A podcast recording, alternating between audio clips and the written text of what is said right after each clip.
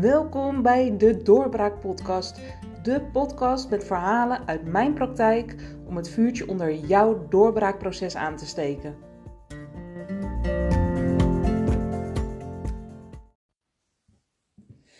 Wat veel vrouwen zich niet realiseren als ze aan de lijn gaan of op dieet gaan, is dat ze zichzelf eigenlijk daarmee de boodschap geven dat ze nu niet goed genoeg zijn. En het is natuurlijk niet vreemd dat als jij jezelf nu niet goed genoeg vindt, ja, dat je daar niet happy van bent, dat je daar uh, ongelukkig door voelt of dat je niet lekker in je vel zit. Wat zo verraderlijk is, is dat ons brein, uh, ja, dat is gewend aan het leggen van verbanden. En je brein zal hieruit dus ook de conclusie trekken dat het feit dat je niet happy bent één op één het gevolg is van je gewicht. En de volgende conclusie die je daaraan verbindt, is dat je vanzelf wel gelukkig zal worden als je eenmaal slank bent. Maar zo zit het helaas niet in elkaar.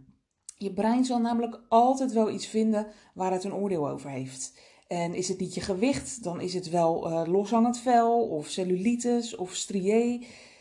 Gelukkig zijn hangt dan ook niet vast aan je gewicht, maar het hangt vast aan de gedachten die je hebt over jezelf en in welke mate je gedachten bepalen hoe jij je leven leeft.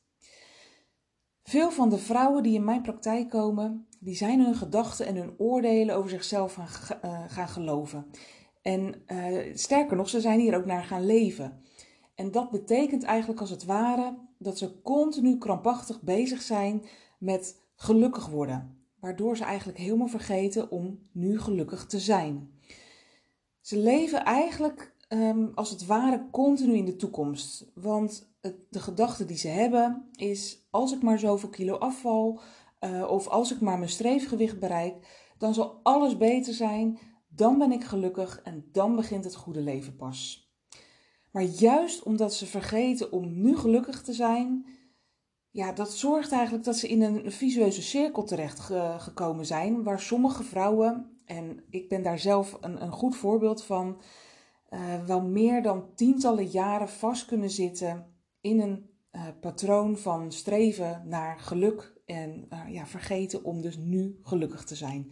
En wanneer je dat patroon niet doorbreekt, kan het zomaar gebeuren dat als het dan werkelijk zover is, hè, dat je in die toekomst bent, dat, dat streven naar is natuurlijk gericht op de toekomst.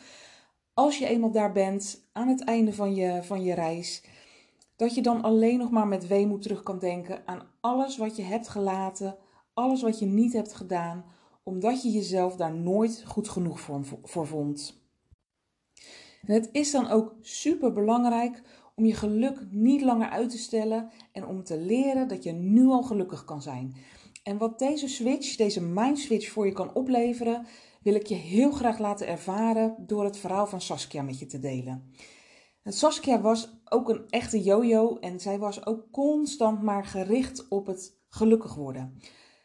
Um, voor haar was eigenlijk dat yo-yo niet eens zo heel bijzonder, want um, ja, zij, had, en dat zie je wel vaker bij vrouwen die, uh, die aan de lijn doen en die in zo'n patroon verzand raken, uh, ze zijn dat eigenlijk van huis uit al gewend. Het is heel normaal om op dieet te gaan. Uh, alle vrouwen om je heen doen aan, aan een dieet. En voor haar waren dat dus ook al de vrouwen in haar vroege jeugd, zoals haar moeder, haar tantes, haar zus. En voor haar was dat jojoen, dat diëten, dus eigenlijk een soort van leefstijl geworden. Daar had ze eigenlijk helemaal niet zo over nagedacht. Um, en voordat ze bij mij kwam, was ze dan ook gewoon weer begonnen aan de zoveelste afvalpoging met een of ander hip crash dieet. En dat dieet, ja, ik kan er eigenlijk niks anders over zeggen dan dat ik het zo onverantwoord vind dat ik echt oprecht vind dat het verboden zou moeten worden. Ik ken meerdere vrouwen die dit dieet hebben gevolgd of die dat op dit moment volgen. En je ziet overal hetzelfde patroon. Ze vallen snel af. Uh, het resultaat is overigens altijd maar tijdelijk, want het is gewoon een zo streng dieet dat het niet is vol te houden. Maar daarnaast uh, is de kuur ook zo streng dat het lichaam er gewoon een enorme optater van krijgt. En ook Saskia merkte dit onder andere omdat ze zo'n enorme slechte adem kreeg dat ze eigenlijk amper nog een normaal gesprek durfde te voeren. Maar ze merkte het ook aan haar haar, dat werd broos, dat werd dof. En um, ja, ze kon eigenlijk nauwelijks meer een, een, beetje fysieke inspanning leveren. Want op het moment dat ze wilde gaan bewegen of wilde gaan sporten, dan werd ze licht in haar hoofd en zag ze sterretjes voor haar ogen. Nou, dat klinkt natuurlijk echt als heel ongezond. Maar wat ik persoonlijk nog veel erger vond, is dat zij door die strenge richtlijnen van dat dieet echt hele ongezonde en zelfs obsessieve gedachten had gekregen over eten. En dan met name over suiker.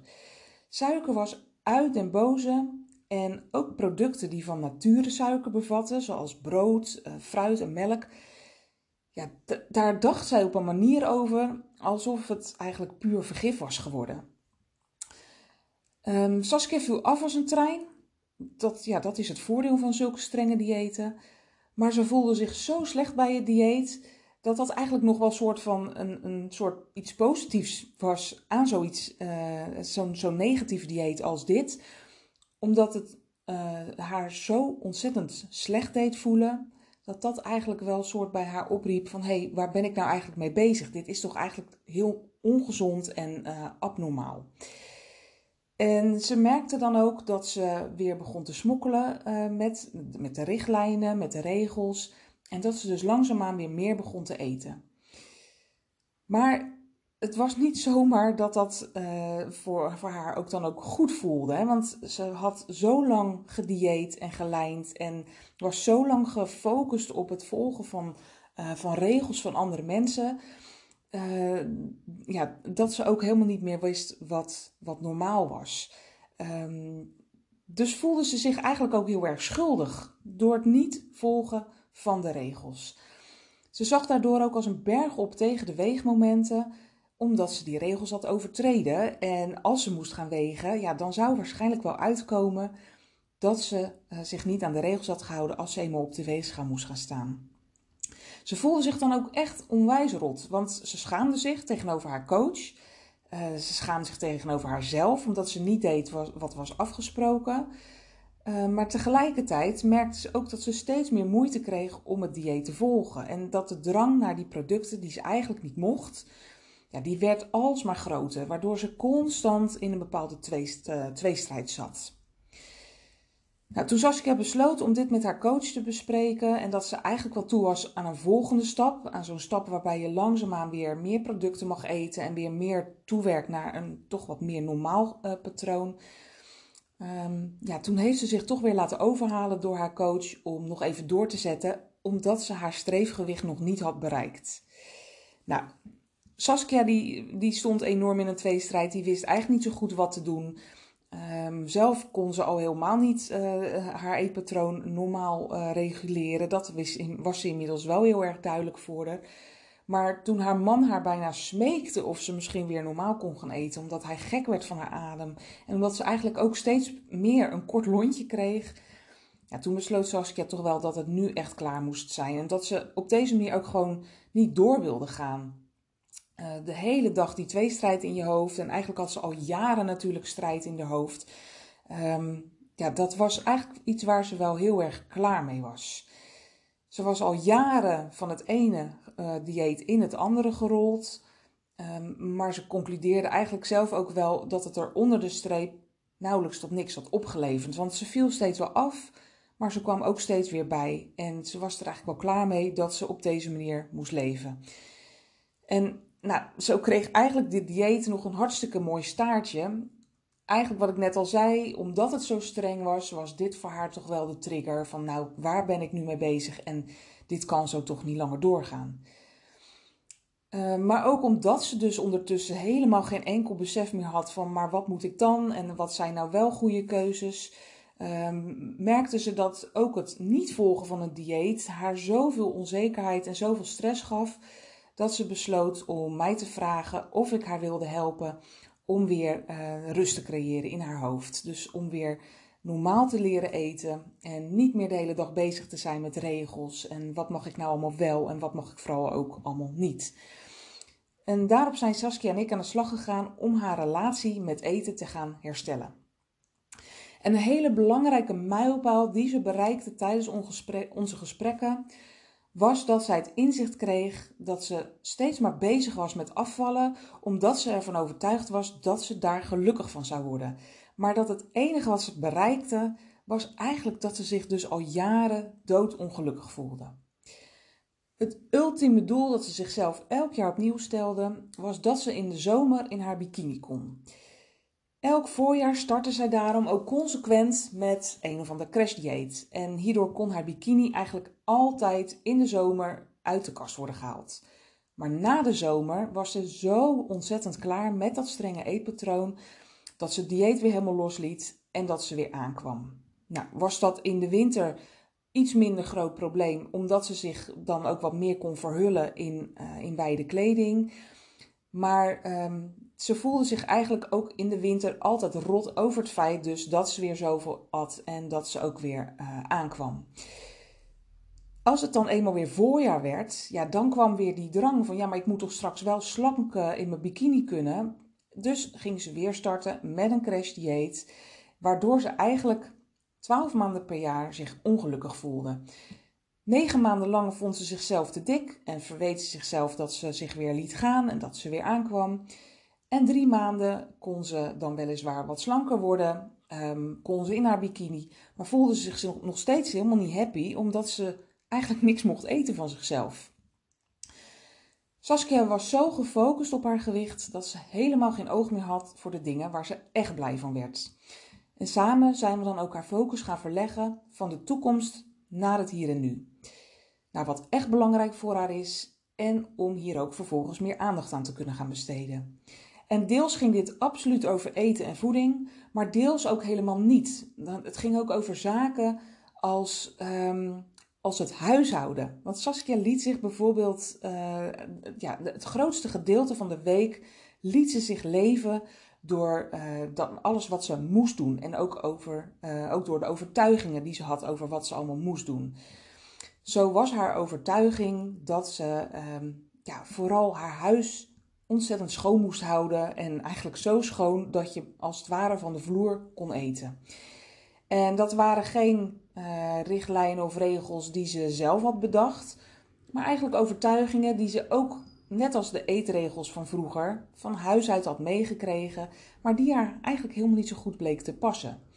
En hierdoor was Saskia al haar vrije tijd kwijt met dingen die ze moest doen. En was ze eigenlijk bezig met het obsessief schoonhouden van haar huis waardoor ze helemaal geen tijd meer had voor zichzelf.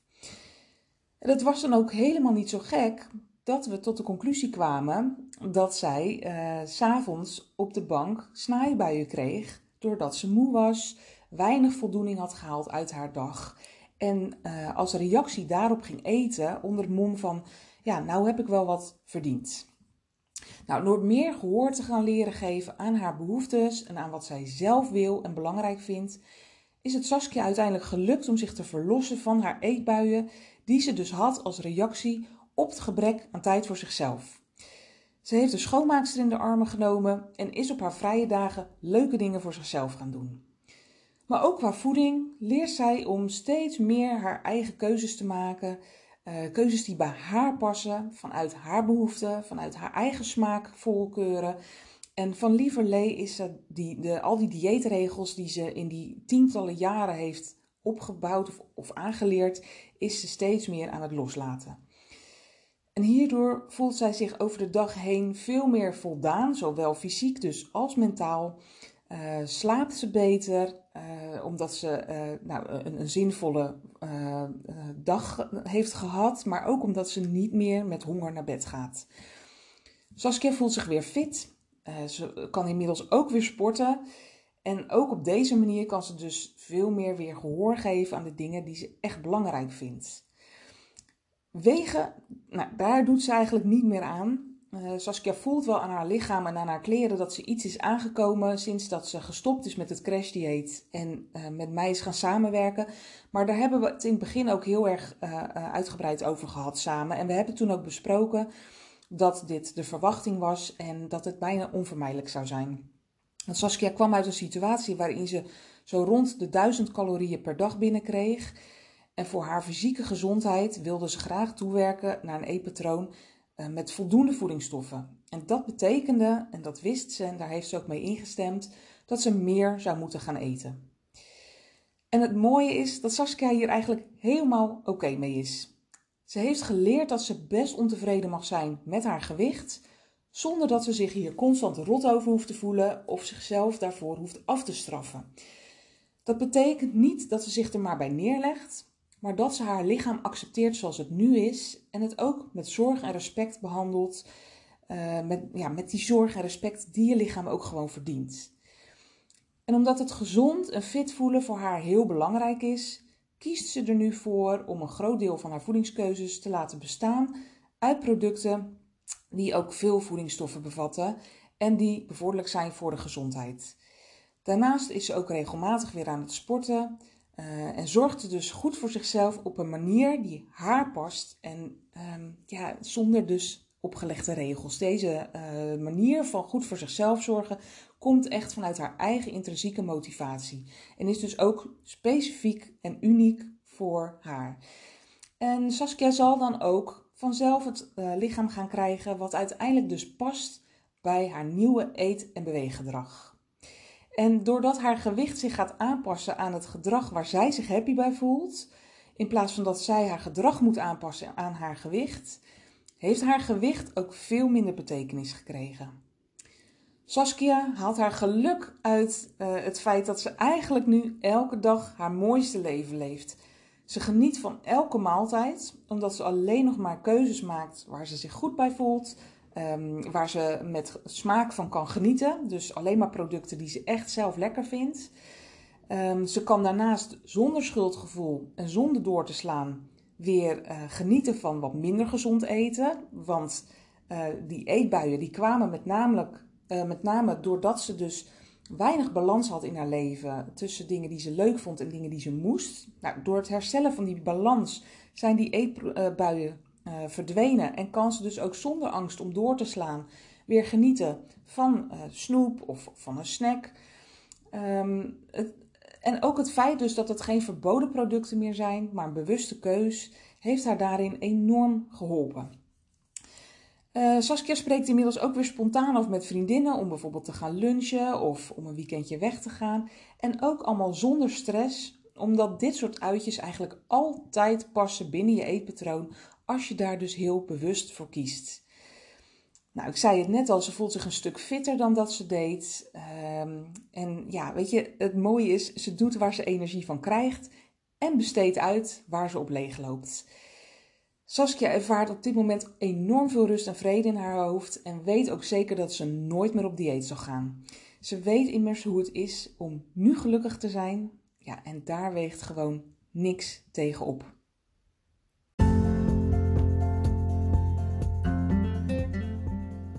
Bedankt voor het luisteren naar deze aflevering van de Doorbraak Podcast. Heb je nou, naar aanleiding van deze aflevering, vragen, opmerkingen? Laat me die dan gerust weten op info.gripopjeeetgedrag.nl Doei!